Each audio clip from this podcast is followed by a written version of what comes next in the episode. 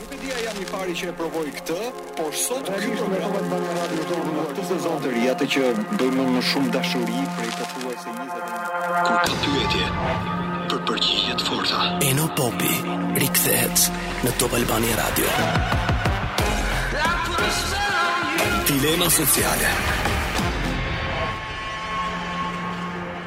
Mirëmbrëma të gjithëve, mirë se vini tek dilema sot në radio në një episod që edhe sot nuk i shmanget dot realitetit ditor që jetojmë. 22 ditë duhen deri kur shqiptarët shkojnë të votojnë dhe deri atëherë do të kërcasë fushata në çdo drejtim dhe formë dhe ne e ndjejmë këtë. E di që uh, mund t'ju duket metaforike se është stinë alergjie tani, Por, realisht ky popull ka tregu se nuk ka ndonjë alergji shumë të madhe apo alergji të fortë nga politika. Kur u morëm uh, përpara disa javësh me mënyrën se si politika ka zgjedhur të komunikojë me njerëzit, shumë syresh evidentuan nga humori i shëndoshë e sarkazma interesante deri tek tallja, bullizimi si formë humori, që politika përdor më shumë se kurrë këtë periudhë.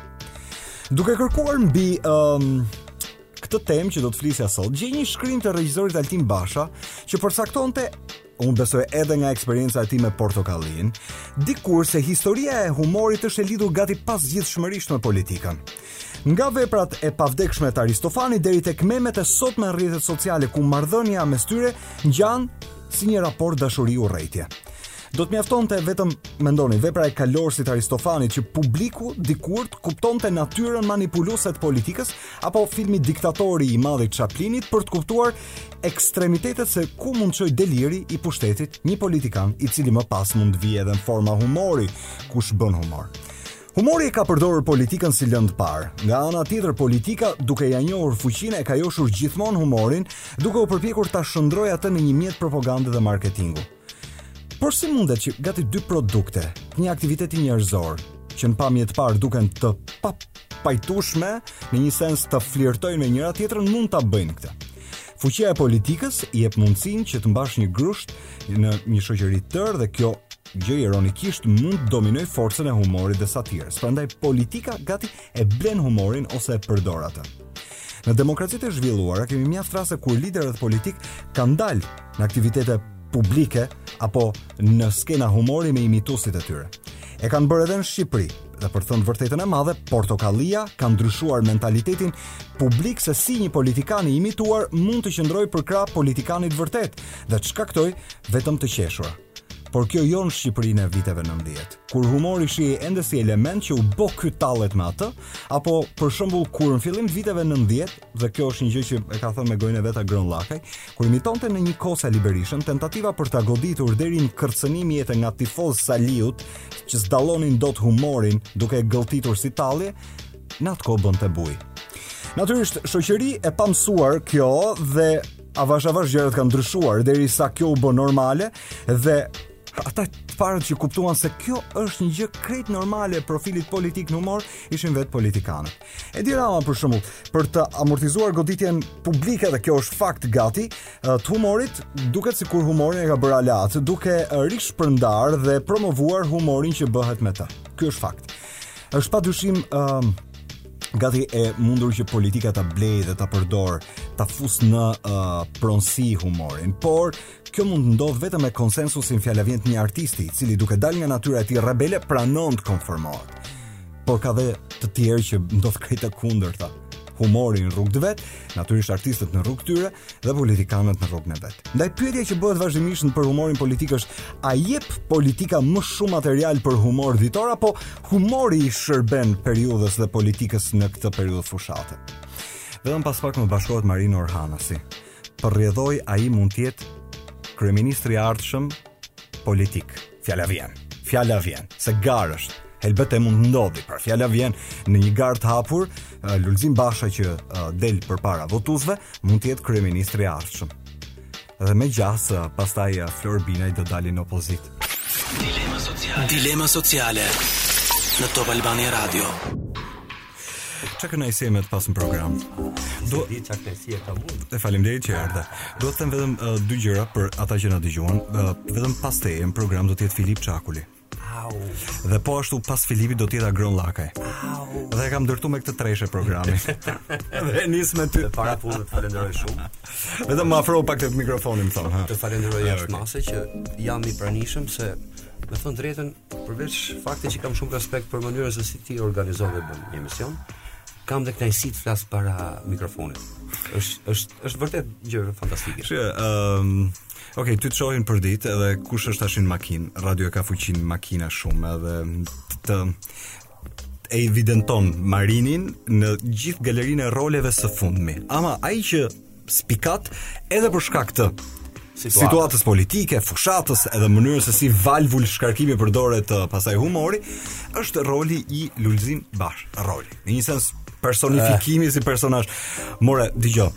Më hiq vetëm një kuriozitet. Deri tek lëvizja e duarve është e studiuar Ë, në thelb, aktori në thelb. gjithë aktivitetin e tij artistik imiton. Më pas e pasuron dhe e ngre në nivel estetik. Okej. Gjëja e parë që unë duhet të bëj është të jemi updateuar, më fal, të jemi përditësuar. Okej. Me uh, gjithë aktivitetin e tij javor, mujor, vjetor, dhe unë këto ia di një për një dhe fije për pe. Pastaj dalim te gjestikulacioni. Gjestikulacioni është shprehja më e qartë e mendimit, qoftë ai edhe i ngatruar. Mm. Pra, unë e kuptoj shumë mirë që nga dora, që nga gishti, se çfarë do të thotë ai pas asaj shenje, pas asaj lëvizje.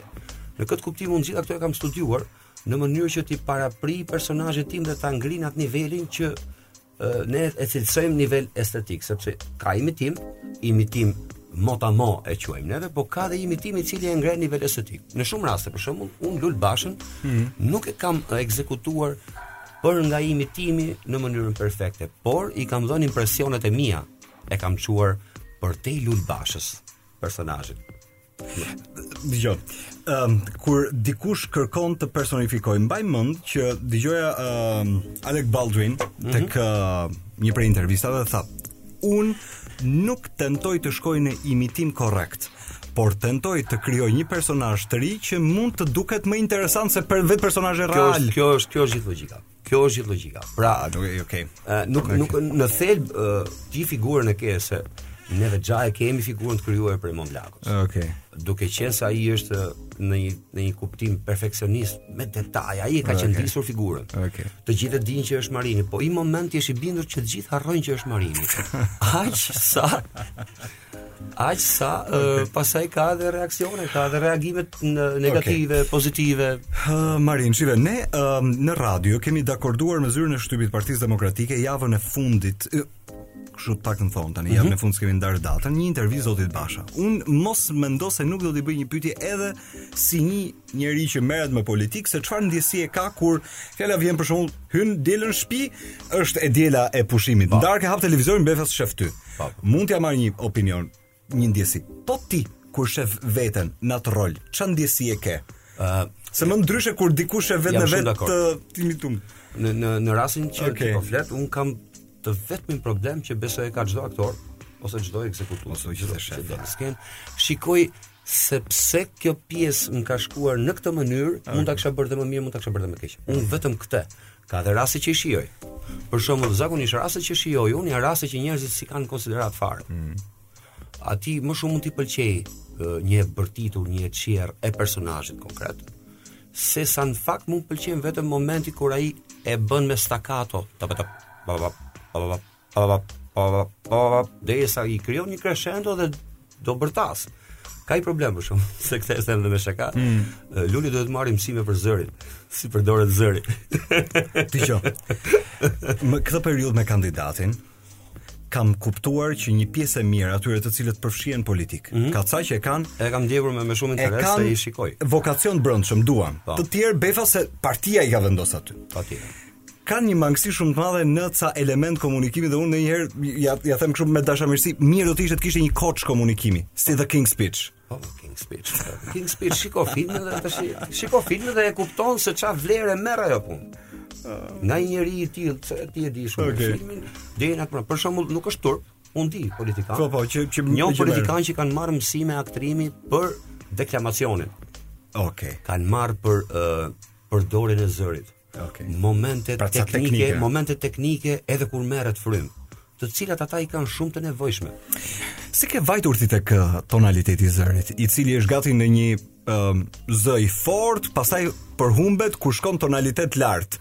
Këtu hyn impresioni i aktorit. Që do të thotë, ndoshta prapë po ta shpjegoj që unë nuk jam fiks zëri i Lulit. Jo, natyrisht jo, si e. Por në momentin kur unë sipas gjestikulacionit dhe sipas gjithë ngjarjeve politike që e kanë shoqëruar atë gjatë javës, kuptoj që ky në këtë moment e ka shumë të rëndësishme ta theksojë. Okej. Okay. Momentin, unë çirrem. Dhe ngul këmbë, nuk e di pse ka ngulur këmbë gjithmonë te ajo çirrja e tij. Edhe pra funksionon. Po. Siç ka dhe momente të lumtura ose momente që kthehet në fëmijë. Okej. Okay. Këto e bëjnë, këto e përmbushin gjithë uh, gjithë pardesyn e një personazhi. Çfarë ndodh? Si më thonë. Natyrisht që ka show të ndryshëm humori, rrjedhimisht. Dhe ti e kupton që tani më uh, nuk është, unë e kuptoj që Portokallia është mark brand i padiskutueshëm. Unë uroj të bëhen dhe disa të tjerë do ta dish. Por hapësira në një sens nuk është më vetëm domain. Po. Ama unë nuk e di nëse ke parë, se unë nuk më ka zënë syri ta ketë bërë ta ketë tentu dikush tjetër. Kaq i vështirë është një personazh për ta bërë kushdo? Ka një ka një ka një uh, sepse këtu duhet e di pse Marin duhet të kuptoj si fitohet pra si gjehet individi që do duhet të imitojë këtë individin tjetër. Për shumë. Për ta përdorur humorin politik. Pa diskutim. ë uh, Se Ramën e kanë tentu disa, po më duket sikur Flori ka ngjit. Po Flori ka dhe, shiko, uh, janë dhe vitet E që kanë bërë vetëm, okay. Flori e ka personazh të vetin në të gjitha okay. kuptimet. Po kështu mendoj edhe unë për Bashën deri në një farë. Ndoshta del dikush e imiton më mirë. Ka edhe të tjerë që po imiton. E, e, po, vërtet po, se ka, si po, kam, ka, nuk është një nga aktorët, biles e kam shok, okay. Gjergj Mena, po imiton Lulzim Bashën. Gjergj për shembull ka disa gjëra që unë s'i kam. Okej. Okay. Që do të thotë, ë uh, është më i gjatë. Mm. Edhe e vizualisht duket sikur është ai. Ka disa probleme të tjera që un i kam ai s'i ka, por këtu gjendet edhe sekreti i aktorit. Mm. Çfarë kam un ndryshe dhe çfarë bëj un përtej asaj që mendon ai ose çfarë ka ai ndryshe dhe që e bën përtej asaj që mendoj un. Në thelb, në thelb Ta shpjegova që aktori në thelb imiton.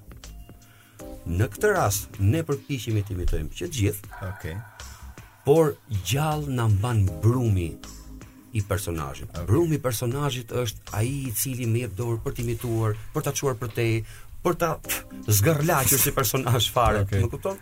Kjo është gjithë logjika për për imitimin të paktën. Ah, okej. Okay. Pastaj shiva, në këtë në këtë moment gjithsecili mund të kishte një lloj kështu kurioziteti të vogël për laboratorin e punës, një personazh që mundet të krijohet. Por vetëm pas pak, me Marin do të flasim për atë që unë ngrita pyetjen në fillim. Sa i duhet politikës humori këtë periudhë?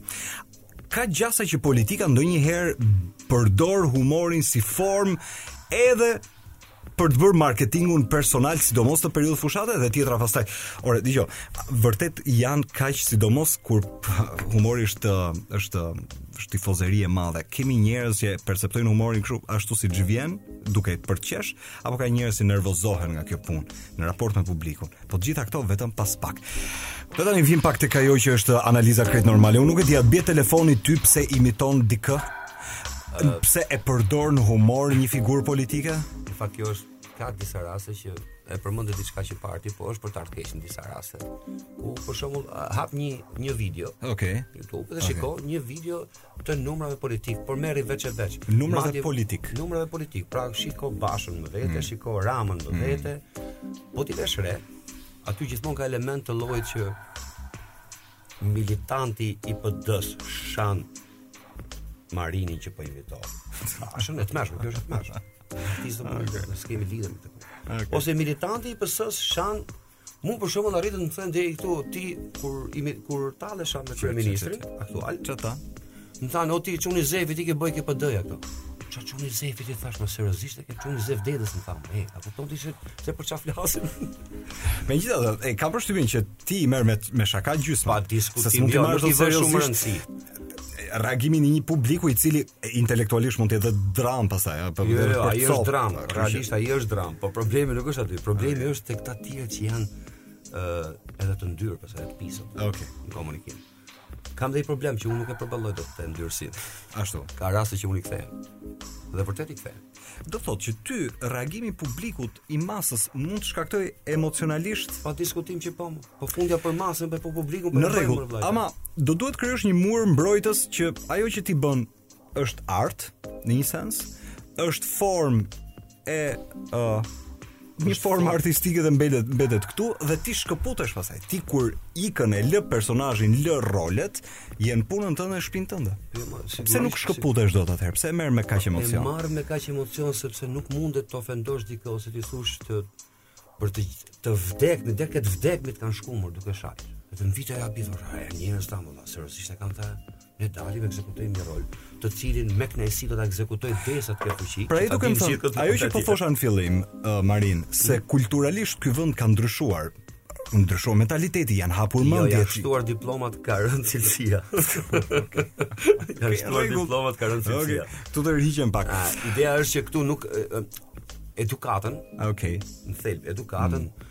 ta jep miqësia, shoqëria, familja e para. Kur ti s'e ke fituar gjithë këto vite, kur pret ta fitosh? Ta fitosh 40 vjeç që po do me marrë diplom për të qenë, ku di unë, uh, jurist i ardhshëm, nuk ka për ta fituar. Ai do jetë po tek lagja me kallash në krah dhe duke diskutuar për gjëra që s'ia vlejnë. Një nga gjërat për shembull që mua më pëlqen shumë te shqiptarët, që është shumë e dëmshme. Okej. Okay. Është që kur u bo ky? Po. Ai u bo, ti s'je bo, në fakt. Ok. Kjo është një sëmundje që ne shqiptarët nuk duhet ta heqim, por duhet të heqim dorë deri në kohë përpara viteve 90 ne thoshim komshiu ke dera. Tashi komshiun e kena ndoshta edhe në televizor, komshiun e kena edhe në rrugë, komshiun e kena edhe në shpi. Ne rrimë merremi me punët e komshiut. Gjithë jetën. Gjithmonë ça bën tjetri. Edhe më vjen vjen keq për këtë sepse e njëjta gjë ndodh dhe me ne artistët. Po nuk mund të gjykosh dot asnjë artist Asnjë artist. E njëjta gjë ndodhi edhe për teatrin, e njëjta gjë ndodhi për çdo gjë.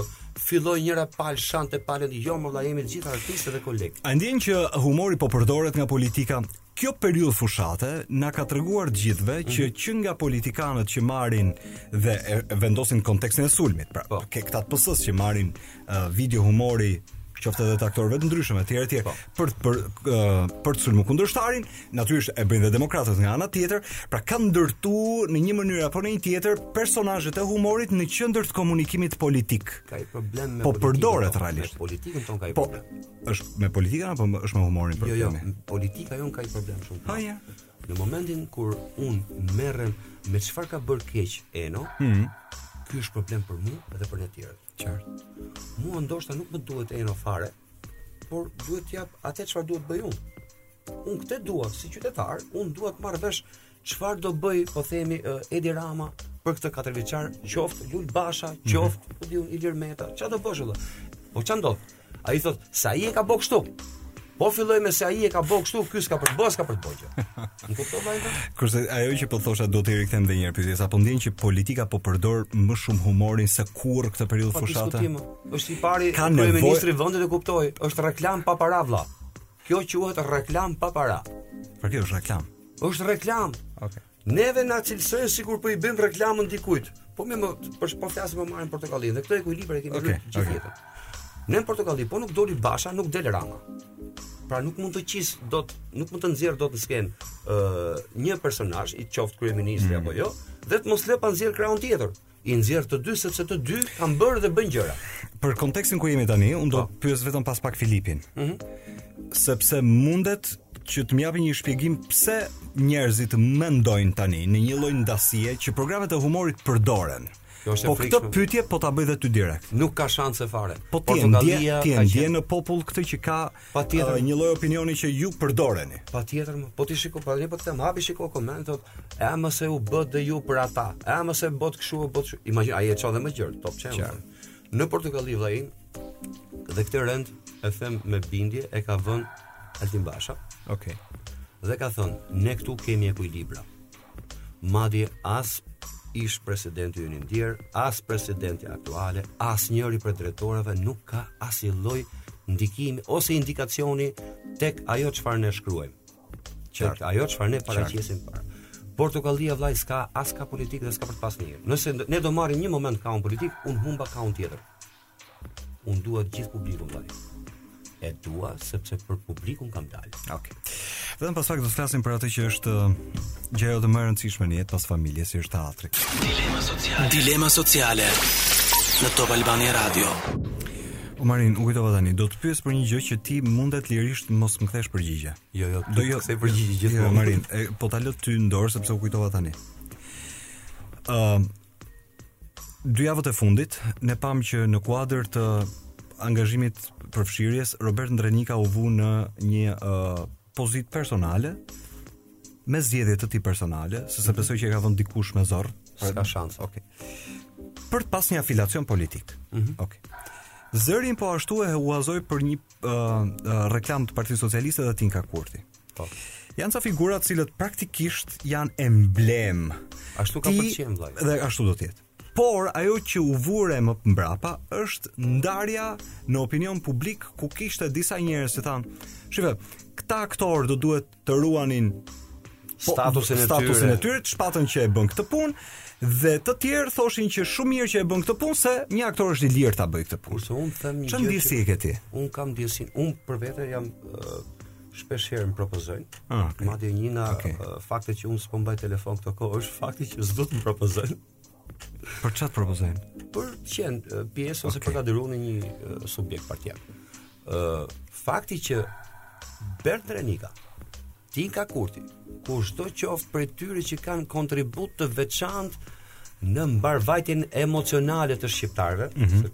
kështu mund ta cilësoj, pra mm -hmm. emocionalisht ata na kanë përmbushur. Qartë është një nder i madh në të gjitha kuptimet. Dhe e di pse? Për faktin se janë moshë madhore, hmm. nuk i mungon asgjë, nuk kanë çfarë të humbin përveç se të lënë një emër të mirë dhe për këtë jam po kaq i bindur. Në ndryshim nga të tjerët që mund të jenë edhe të rinj, po mund të jenë edhe ata kështu, mm -hmm. pra po kaq të mirë, por të rinjtë edhe mund të manipulohen. Bert Ndrenikën nuk e manipulon dot. Tinka Kurtin nuk e manipulon dot sepse ka parë dhe dëgjuar dhe ka prekur gjëra që unë e ti ndoshta nuk i dimë fare.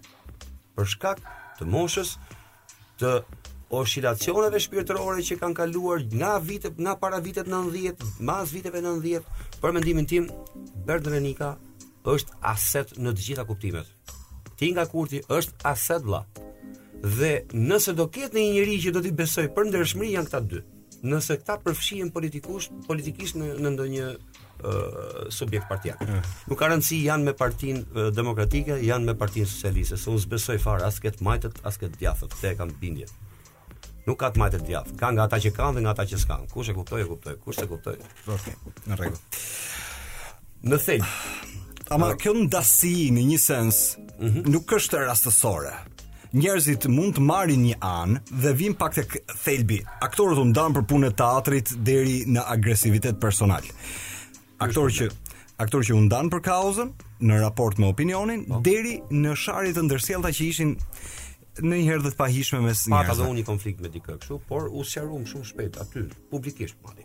Mirë, okay. Dëgjo, shiko, megjithatë Tirana ngelet pa një skenë të madhe. Tirana Tirana ngelet tani me dy skena të vogla.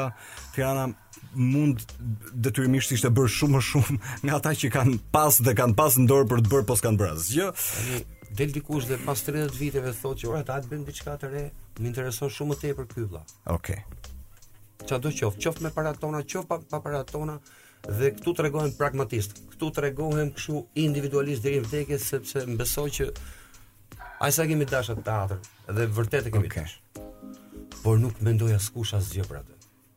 dhe fakti që u përfshinë disa njerëz që nuk kanë pas edhe nuk kanë kontribut okay. në atë teatr përbën problem për mua. Për qytetarët jam dakord. Kam kanë të gjitha të drejtat të ngrenë zërin e tyre, madje madje nuk kam tentuar në asnjë moment t'i imponoj mendimin tim dikujt. Aspak.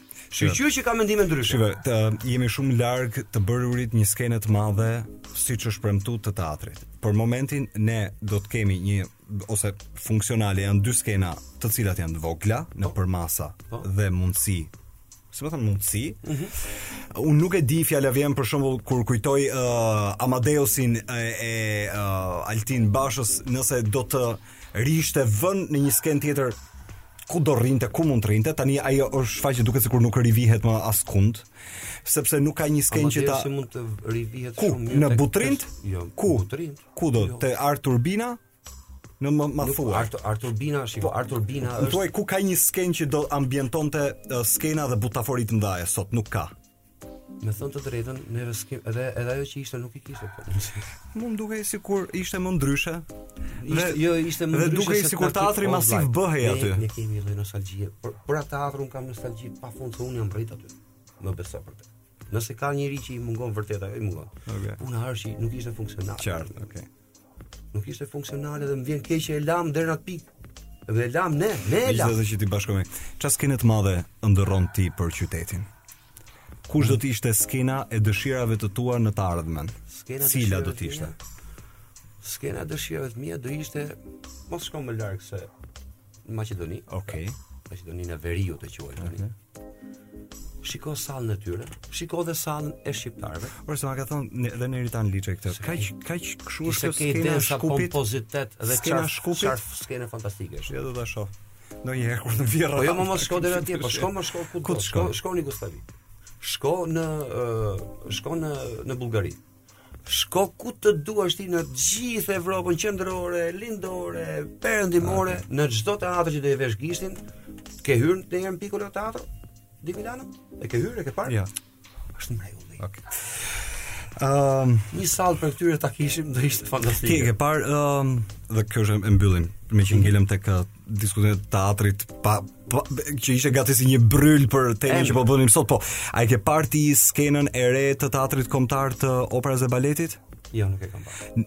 Nuk e di, a mund të ishte ajo një skenë tranzicionale dhe për teatrin përveç se skenë performancash të operas Realisht, ose nëse nëse meqë e hape se okay. un kam luajtur në atë skenë teatër. Teatër. Në në skenën që ekzistuese që ka qenë ne kemi luajtur shumë. Kështu që bën, ajo bën për ta. Sigurisht që bën, ajo është bërë pikërisht për atë punë. Okej. Unë të falenderoj që erdhe në program. Edhe unë të falenderoj. Ishte kënaqësi. Unë pata një frikë se thashë me vete, këta të Portokallisë ngaqë janë gjithë në punë, gjithë harrojnë dhe kisha frikë se s'do më vije. Ti je pjesa e angazhimeve të mia shpirtërore dhe miqësore, kështu që ah, Marin. Rrofsh. Diskutuam që në nisje të programit për formën e humorit politik që bëhet sot. Dhe sidomos nëse kjo e fundit, pra politika, gjen elementët e humorit i cili sot prodhohet nga televizioni deri sidomos nga televizioni deri në rrjetet sociale dhe te kjo e fundit divulgohet gjithmonë më shumë. Vetëm pas pak, un do të përpiqem që ë um, të kem në telefon Ledio Lakon. Mendoni pak tani një aktor që i duhet të interpretojë presidentin Meta në format e tij, ë, më karakteristike deri tek elementet e komunikimit publik të cilat, me thënë drejtën, kohët e fundit, për presidentin kanë qenë jashtë mase me tone të larta dhe agresive. Po ashtu do të kem në program dhe, siç jemi dakorduar, në fakt është rrugës por shpresoj që të gjejë një moment për të folë me ne në radio Filip Çakuli, Filipi edhe me Fiks Fare, po natyrisht Fundi me Portokallinë, po me Fiks Fare e ka kuptuar peshën e satirës në një sens në raport me marrëdhënien politike.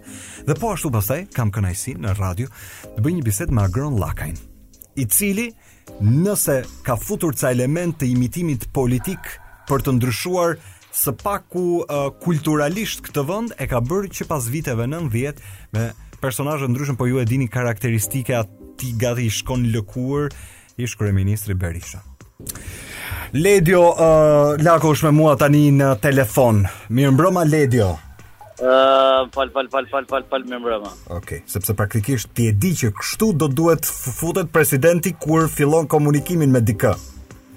Patjetër. Ose sa sa, sa të dashme në studio. Fal fal të kam dekoruar unë ty. Akoma jo. Dhe madje kur ke dek... Shih, unë nuk e di më kujtua uh, i ndjeri Koço Devole i cili tha, zoti president, i keni bërë të gjithë mjeshtra të mëdhenj me këto dekoratat, e nuk më duket ndonjëri mjeshtër i vogël se... A, të kanë të nevem duket. Dëgjo, po, kam përshtypjen që mos po të vjen dhe ty ndonjë dekoratë? Vërdall. Po e me, dëgjo, e meritojmë ne të Portokallisë, nuk e meriton asnjë. Dhe si ka mundësi që uh, më, më, tani kjo është pyetje kështu, marrëdhënia që keni pas ju me politikën, ka pas politikanë që ju kanë pas qejf, ka pas politikanë që s'ju kanë dash fare për shembull. Politikanë që s'na kanë dashur? Ëh. Uh -huh.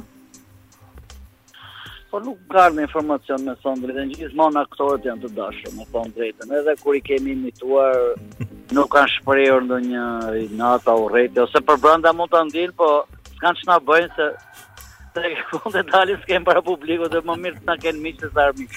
Dëgjo, edhe me që Rafjala, unë nuk e di a të ka ardhur një mesaj nga presidenti Meta për mënyrën se si ti e ke filluar ta sjellësh në personazh në Portokalli apo jo? Jo, ende, akoma nuk më ka ardhur, me thënë të drejtën. As nga Monika Kryemadhi për të shoqin? Jo, jo, jo, jo, jo. Hm. Nuk më ka ardhur asnjë mesaj. Po të së doja, po, po, po thoshe, hm? jepi, jepi, po dëgjoj. Jo, unë nuk kam dash me e denigru si figurë, se imitimi ka dy linja, o do e vësh në lojë, për t'i vënë në dukje defektet si, si individ, ose do i vësh në dukje fenomen, do i vësh ato që ai ka të meta në mënyrën e, pre, e qeverisjes ku neve nuk arrijmë të kuptojmë të gjitha, por ato që shohim sa kemi fuqi për të bërë do t'ia vëmë në dukje. Po zhvillim na marr me pesë në karakter për të vënë në dukje disa të meta që ka. Prandaj edhe jam marr nga pjesa e analizës dhe biografisë të karakterit apo të okay. që shohim me fjalë Po pyesja pak më parë uh, Marinin për mënyrën se si ai sjell Lulzim Bashën në formën e humorit politik çdo të diel. Si të është dashur ty tani të punosh me Ilir Metën si personazh për ta bërë ë uh, në një sens gati gati, s'po them identik, por domethënë t'i vish sa më afër elementëve që nga gestikulacioni, zëri, mënyra, pra Më trego pak gjithë procesin e punës. Duhet të falenderoj Filip Çakullin se ai këmbënguli për të madhe. Unë i thosha nuk dua do e bësh ti tha se s'ka kush na e bën tjetër. Mon Blako, Grimieri, thoshte e bën Marini se i ka nofulla të gjera. I thash, po e bëri Marini, po si do përplasem me Lulin me të dy, thash. Në skenë dhe ma besuan mua. Unë gjithë natën e studiova lëvizjet, mënyrën. Ka një moment që e ngre syrin në syrin e majtë kështu sheh edhe po unë ngaqë mu më vënë një ke balli një pjesë nuk arrij t'i lëviz sytë e mi këtë pjesë e kam si kore nuk lëviz fare si gomë nuk arrita ka vë jam kam lëvizje ne që kam bërë një numër javën që kaloi mhm. me dekorimet. Ëh. Mhm. E ktheva tre herë atë numër me thën drejtën, po e nxjerr këtë si sekret, sepse publik s'kemi, e kemi këtë edhe favor dhe disfavor. Okej. Okay. Dhe unë e ktheva këtë numër se nuk më pëlqeu vetja me thën drejtën. Asnjë njeri nuk më thoshte që je mirë apo keq, po unë nuk futesha dot në në petkun e personazhit. E kisha thjesht imitim nga jashtë. Reci në to. Pastaj në të tretën arrita e kapa dhe me thën drejtën kisha vite Që nuk më shkruanin mesazhe, por me sa duket portokallia ndiqet akoma. Po, pa diskutim. Shive, është shumë e vështirë t'i ndash njerëzit nga tradita dhe ti e di mirë këtë histori, po s'është momenti dhe vendi për ta diskutuar. Tani, ëm um, Ledio, do të thotë që uh, njerëzit në perceptim publik kur si, shohin një politikan, gjithë dashamirësinë apo urrejtjen personale që kanë për politikanin ia veshin dashur pa dashur dhe aktorit. E ke ndjerë ti këtë se Marini po më thoshte që shof një agresivitet të, fjala vjen për shembull. Atyre të cilët mendojnë që uh, po e tallim Lulzim Bashën, ndërkohë po aq një lloj forme, mënyre gati ë uh, si me thën tifozerie të ndarë midis socialistëve dhe demokratëve. Rastin tënd si është sjellja e publikut me personazhe? Jo, ata uh -huh. ata Marini dhe Flori kanë vite që luajnë figurat. Ah, okay. Dhe un kam për tre seri që bëj, dy tre dy seri dhe nuk kam të njëjtin impakt që ka pasur që kanë ata, ata janë tjetërsuar, domethënë ata janë veshur me petkun e personazhit dhe njerëzit I thrasin dhe në rrugë o Lulo o Edo.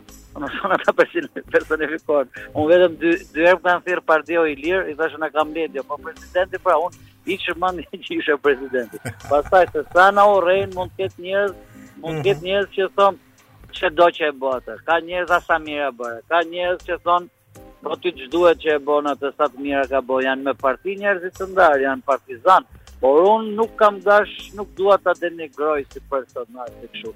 Ai pati një një ngjarje të tillë që me policat e bashkisë dhe ajo më dha dorë mua shumë të madhe për kafat e imitimin, në lëvizje në atë. Ju vazhdoj. Ju vazhdoj dhe sot Ju të, po ju të gjithë ose një pjesë e mirë e juaj, ja jeni aktor karakteresh. Po, ju uh, sillni uh, personazhe të ndryshëm në forma të ndryshme se si i trajtoni, pra është e gjitha çështja. Gjithë sekreti i mm. trajtimit është si do ta trajtosh. Ka dy lloj të pasdebës se më denigron o i vë në dukje ato defektet e vogla. Madje njifet dhe në botë kjo që një president apo dikush merr gjithmonë një aktor për ta imitu për të parë ku e ka te ku çalon, ku e ka një defekt, si e të si duhet bëjë, dhe jo aktori imiton e vendos dhe i shef të gjitha defektet. do, do, do, ishe, do ishe gati ti ta bëje këtë, fjala vjen për shembull, në presidencë, në presidencë ose në pallat brigadash. Po patjetër më. Hë? Unë jam një aktor, por edhe më ke bërë pyetje interesante, kam 16 vjet. Aha. Edhe akoma nuk kemi pas fuqinë të dalim nëpër skena të tilla, ose kemi pas kontratat ose ka pas aktorë më të mirë se neve më përpara. Që kanë arrit me dal, nuk kemi dal Megjithatë, akoma. vim- Unë po i thosha çunave se po ndërpres, po i Po, thosha po, po. çunave di si më vjen, Mhm. të bëhemi Berishë, Ramë, Lule, dalim këtu ke kjo ke edhe Meta,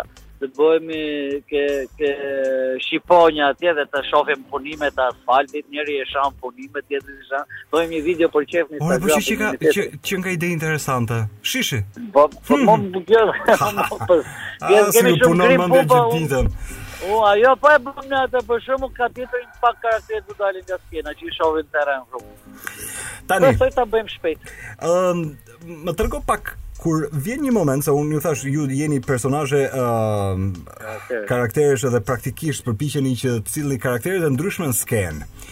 Ama kur merresh me një politikan ka një lloj qasje tjetër. Pra unë e kuptoj që në galerinë tënde të roleve ti i ke sjellë si ke dash, kurse një politikan ti do ta sillesh siç është ai. Ti nuk e për shembull nëse ti Ramadanin e ke kriju nga zero, një personazh politik nuk e krijon dot nga zero. Do përpiqesh të Jo, bësh atë që ke ke i fakti, ke fondin e ke nga politikani, po politikani nuk për shembull mund ta po du ta bëj alpinist. Mhm. Mm Edhe është më i fortë, kështu që jam në malin e Korabit e Tomorit, kështu jam në malin e Tomorit. Unë Tani... bëj ça dua, e bëj alpinist, e bëj diçka tjetër, po tek e fundit prapë presidenti është. Jo, pra presidenti është, unë e kuptoj ti mund ta çlirosh fantazinë, po tani përgjigju kësaj.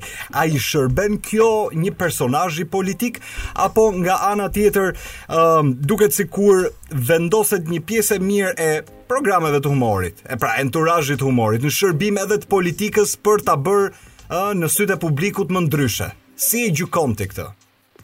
Dëgjo, nga pamja vizuale unë i vë në pah ta thashë dhe njëherë se si jeton si ashtu.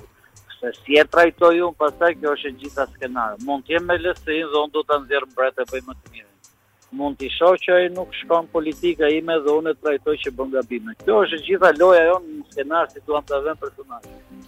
Duam të jemi me PS-në e bëjmë me PS-në, por ne gjithmonë përpiqemi me rujt balancat politike që është gjëja kryesore. Që është gjëja kryesore. Kur kemi pas gjithmonë një Ramë, kemi pas gjithmonë një Bashë. Për të bërë balancat që këtu nuk ka emisioni prirje të majta apo të djathta. Jemi hmm. gjithmonë në opozitë. Më kujtoj Marini kohën kur imitoi Fatos Nano. Dhe më tha duke më treguar që në atë periudhë Nano e mori me sportivitet. Ty ende s'të paska ardhë një feedback nga Ilir Meta për të kuptu se në këtë kontekstin e humorit politik që po flasim si e ka për, ose si e ka gëlltitur uh, presidenti këtë punë, po do t'ja lëm kohën. Ndoshta nuk është sportiv, e ka mendjen të ngjitet nëpër male, nuk është akoma sportiv me aktorët. Ah, ose nuk i do, nuk i do gjithë aktorët, ka aktorë të tjerë që i do më shumë. I ka dhënë provat. Po mirë tani. Kam përshtypjen që ti nuk bëhesh xheloz për këtë punë. Kjo është jeta. Fare, fare, fare, fare. Unë mm. thashë nuk dua ta denigroj si figurë thjesht dua të vë në lojë ato të meta që ka në shoqëri që aktori mendon se mund t'ia prek. Unë të falënderoj shumë Ledio. Faleminderit dhe juve. Të shtunë të këndshme. Faleminderit që ishe në radio. E shtuna mbaroi dhe gjysmore kemi tash me familjen. Tamam. E Ledio. Natën e mirë. Natën. Vetëm pas pak më bashkohet në program Agron Llakaj.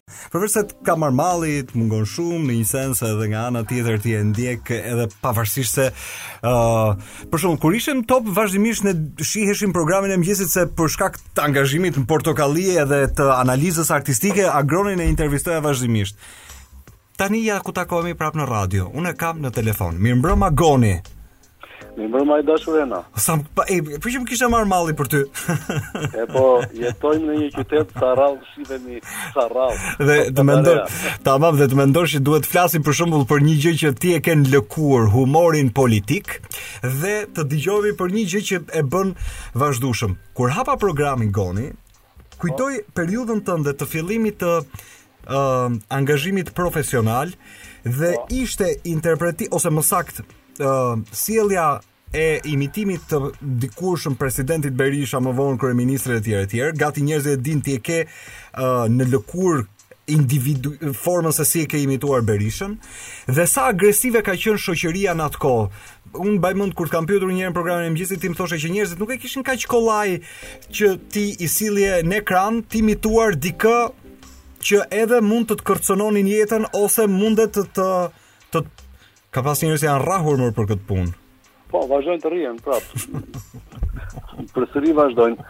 Problemi gjithë është që në qoftë se atëherë kishte një lloj reaksioni negativ ndaj mm -hmm. imitimit si një zhanër i ri i humorit, mm -hmm. uh, sot njerëzit nuk e konsiderojnë imitimin, por ama uh, ndarjen politike mm -hmm. e mhm. kalojnë deri në interpretim armiqësor. Dhe po si mundet, pra? Është Fatkeqësia më e madhe e këtyre 30 viteve, qoftë se do t'i quajmë demokraci, se për mua ndoshta s'e meriton këtë emër. Edhe për shkak të kësaj nuk e di ndoshta mendoja që dikur nuk do ta prisim se dhe Amerika ndryshoi, ndoshta mori një çik nga formati shqiptar, u bë dhe në Amerikë shumë agresive, si duket ky karakteri ynë po shpërndahet gjithandej në shtetet e tjera, edhe pse janë shumë shumë shumë demokraci vite para nesh, por që sharjet, fyerjet, kërcënimet e tjera e tjera.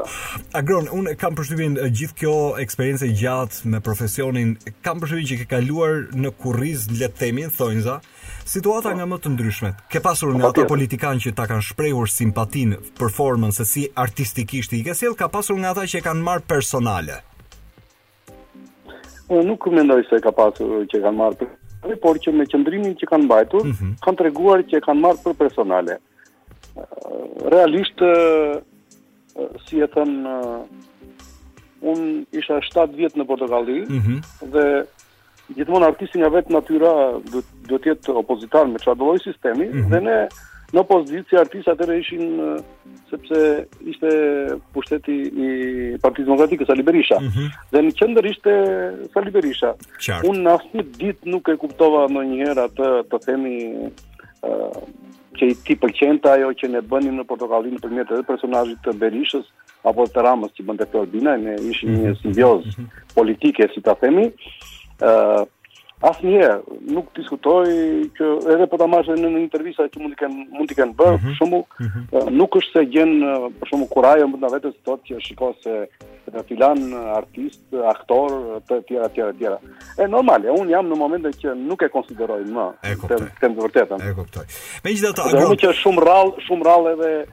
e imitoj, mendoj se ndoshta edhe si personazh, po edhe si personazh politik, ndoshta duhet ta ta kuptonte që me kohë dhe me vakt do të vinë të rinj të reja, ai do të qëndrojë si një plak i urtë. Kjo është çështje cikli.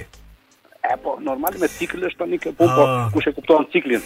Agron, po a mendon që një personazh i cili vjen nga politika lartësohet nëpërmjet humorit apo humori në një sens mundet siç t'i bëjë uh, Pra, t'i bëjë punë, nga ana tjetër dhe mund ta dëmtojë. Um, unë mendoj se varet nga niveli dhe formimi qytetar i mm -hmm. atij personaliteti që mm -hmm. quajmë politik. Mm -hmm. Që imitohet sepse duke kuptuar që imitimi dhe në qoftë se ai bëhet pjesë e imitimit fiton pikë. Dhe e kundërta në qoftë se është indiferent dhe tërhiqet, humbet terren, sepse ai artisti që imiton nuk besoj se do t'i tregojë se uh, sa udhëheqës i mirë apo politikan i mirë është. Natyrisht do merret me detaje dhe elementë të cilat e bëjnë komike atë si personazh tek publiku, publiku do qeshi nëpërmjet atij personazhi, por ai që imitohet, në qoftë se qesh vetë, nuk humbet, por po të tregoj rastin mm -hmm. e mhm. parë dhe të vetëm që kam patur. Okay. Në 1994 në Miss Albania, mm -hmm. unë kam imituar për herë të parë të ndjerin Pjetër Arbnori që nuk rikthehet më politikan me atë qytetari siç ishte ai. Sepse në momentin që unë imitova që ishte thik me dy për, mm -hmm. a ishte në, në radhën e parë të spektatorve, dhe ai ka qeshur me lot nga imitimi im. Po un nuk i thashë shiko se të imitoj ty sa bukur të bëj. Unë fillova dhe dhe teksti im ishte që shkulej salla së qeshuri. Edhe ai jo vetëm fitoi pikë për veten e vet, por dhe mua më dha një një nuancë besimi dhe sigurie që ka dhe njerëz të tillë që e kuptojnë mirë çfarë është uh, imitimi dhe humori politik. Kurse ah. pastaj uh, mhm. në të tjerat jam shumë ndoshta diku Edi Rama me Flor Binajn kanë mhm. një lloj uh, ngjashmërie. Me njëri tjetrin edhe e ka marrë pjesë, ka marrë bashkë po, ka bërë po, debat po, e tjera tjera që unë e quaj këtë tani e quaj një të bukur. Kurse pastaj tek të tjerët çalon. Megjithatë, Goni tani do të vijmë tek një diskutim i cili kam po. përshtypjen ti e ke hequr edhe nga ana etike në kurriz po. vazhdimisht.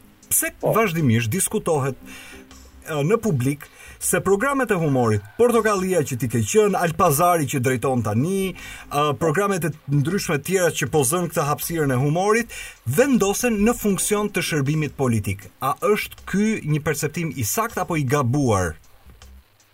Uh, unë uh, ndoshta kjo është e pa kompromis, mm -hmm. të paktën edhe kur kam qenë në Portokalli, mm -hmm.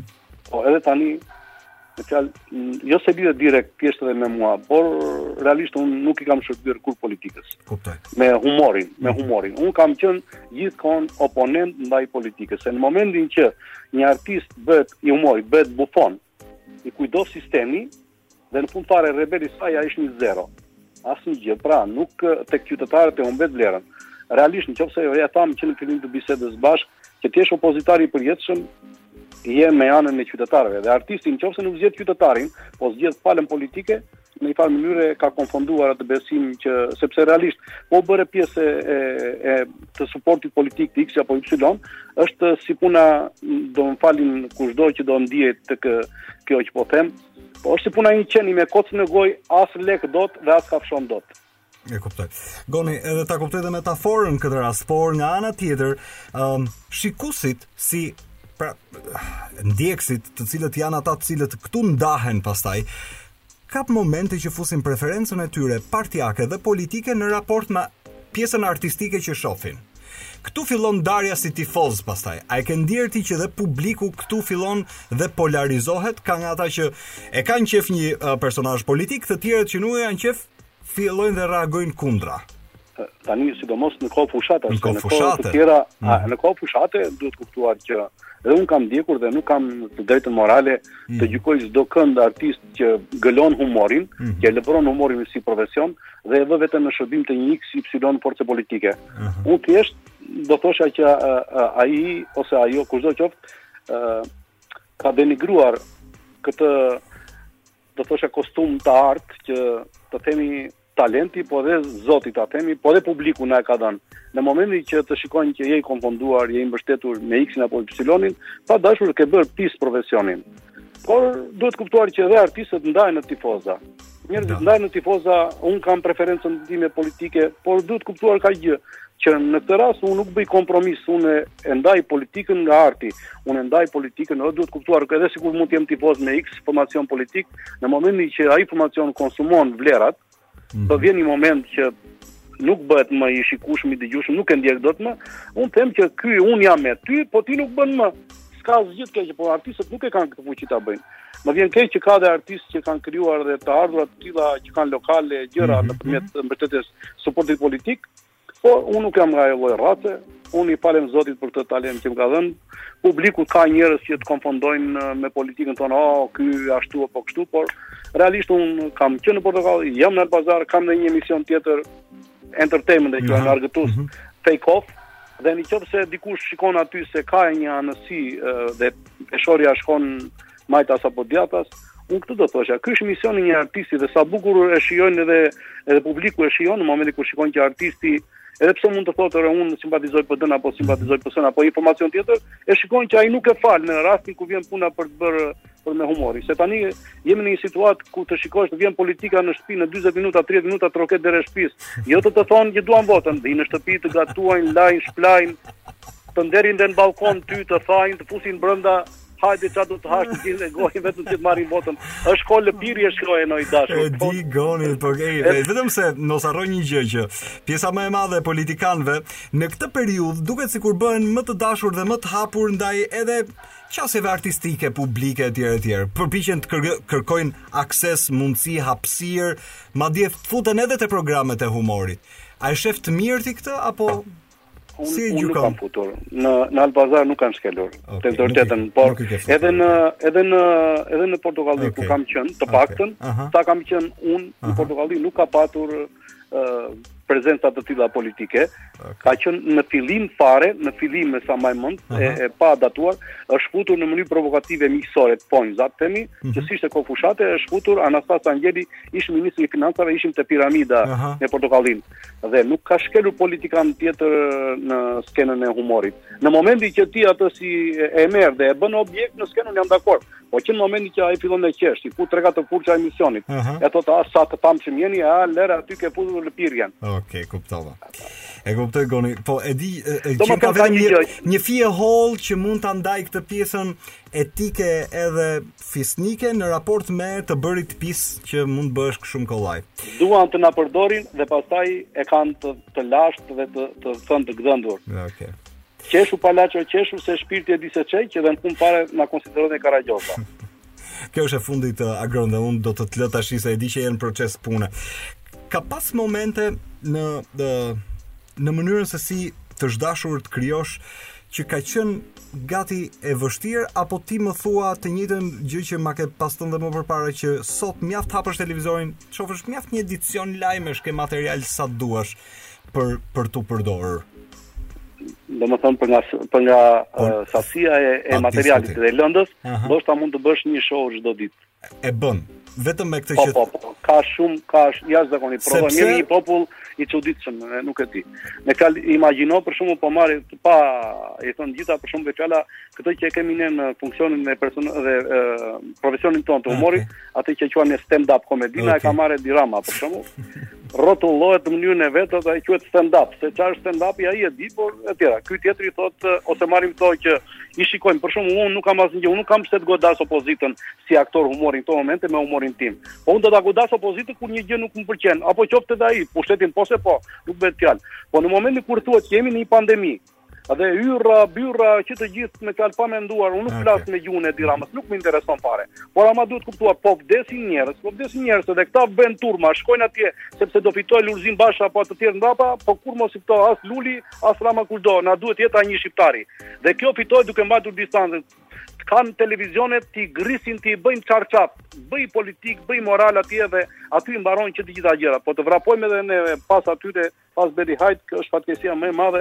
Nuk e di pse jemi në 30 vjet demokraci, po s'kam pse ta quaj demokraci, se 50 vjet kaluan me Enverin. Ne jemi po i njëjti popull, më shumë ka turma sesa qytetarë. Më vjen keq për popullin tim. Dhe ç'më kujtove Goni, lotët e tu për të ndjerin Koço Devole kur ai iku në sens po unë kuptoj boshllëkun që la, po kur ne praktikisht kuptonim se sa të kujdesshëm duhet të ishim qoftë edhe qoftë edhe kur donim të takonim dikë për një arsye se mundet pa dashje. Ë të të kalonim çat çat çat të kalonim virusin tek dikush që mund të ishte gati gati me me me me me situatën shëndetësore. Dhe nga Ti po thoje këtë dhe dole te Koço Devole. M'u kujtua kjo gjitha. Është etaloni i humorit politik në Shqipëri. Njeriu që ka bërë humorin politik të gdhendur është Koço Devole. Kam përshtypjen ai imituar personazhe. I mungon po, gjithëve. Absolutisht unë mendoj që në qoftë se duhet merituar një titull humori në në Shqipëri, unë mendoj se duhet të jetë një titull titull Koço Devole. Një artist humori duhet të, të luftojë të marrë një titull Koço Devole. Se mjeshtra të mëdhenj, mjeshtra të mëdhenj janë bërë dhe ca qen nga liqeni. o Goni, po bëjeni më pse nuk e ju jeni komunitet komedianësh. Unë kam krijuar, unë kam krijuar den, jo më kot ua thashë, jo ua thashë. Okej, super. Unë jam duke krijuar një çmim humori Koço Devole. Po shumë mirë më ja, domethënë unë i besoj gjithmonë që duhet dikush të gjejë ca elementë të meritokracisë. Problemi, qoftë edhe për të futur shoqëria. E, Eno i dashur, po, meqë jemi aty tek meqë un kam qenë pjesë e Top Channel, uh, është një frymë në përgjithësi, jo aty dhe në televizione të tjera, duhet kuptuar një gjë. Artisti i humorit apo çdo artist është artisti i gjithë popullit. Nuk është artisti i një televizioni, nuk është pronë e një televizioni. Që do të thotë, un jam i vetmi dhe ma merr për mendjemadhësi. Që në spektaklin tim kam përshëndetur dhe Portokallinë apo dhe emisione të tjera të humorit. S'ka asnjë gjë të keqe, më mirë njerëzit të qeshin se sa të qajnë. Po, nuk ka gjë më të bukur. Po, por ama jo më ikën nga një vend dhe shpallesh armik vendit ku je. Të mos të mos të mos i mos i kalojmë në këto uh, interpretime sepse duhet kuptuar një gjë. Të gjithë luftojnë për të krijuar një lloj audience. Po pse duhet vallë që për shembull në një ditë të mm. ndash një audiencë kur mund ta marrësh të gjithën, u ngopën njerëzit dhe me të qeshur, tani katër spektakle humori në Shqipëri drejt humori sikur çfarë të ishte, Me gjithë ato. Sikur çfarë ishte me 2 milionë gjysmë banorë. Shiko, megjithatë Agron ti e di njerëzit kur e kanë ndarë mendjen se ça do shofin, e kanë ndarë mendjen se ça do shofin, një prej tyre je edhe ti, një prej tyre je edhe ti, kështu që uh, unë të falenderoj, më kishe marrë malli edhe natyrisht më kishe marrë malli si mik, se çfarë miq? Kush u bë armik këtu? Kështu që të falenderoj po- shumë. Ne, ne u dëgjuam sot në këtë nëpërmjet emisionit tënd. Uh, unë dikur kisha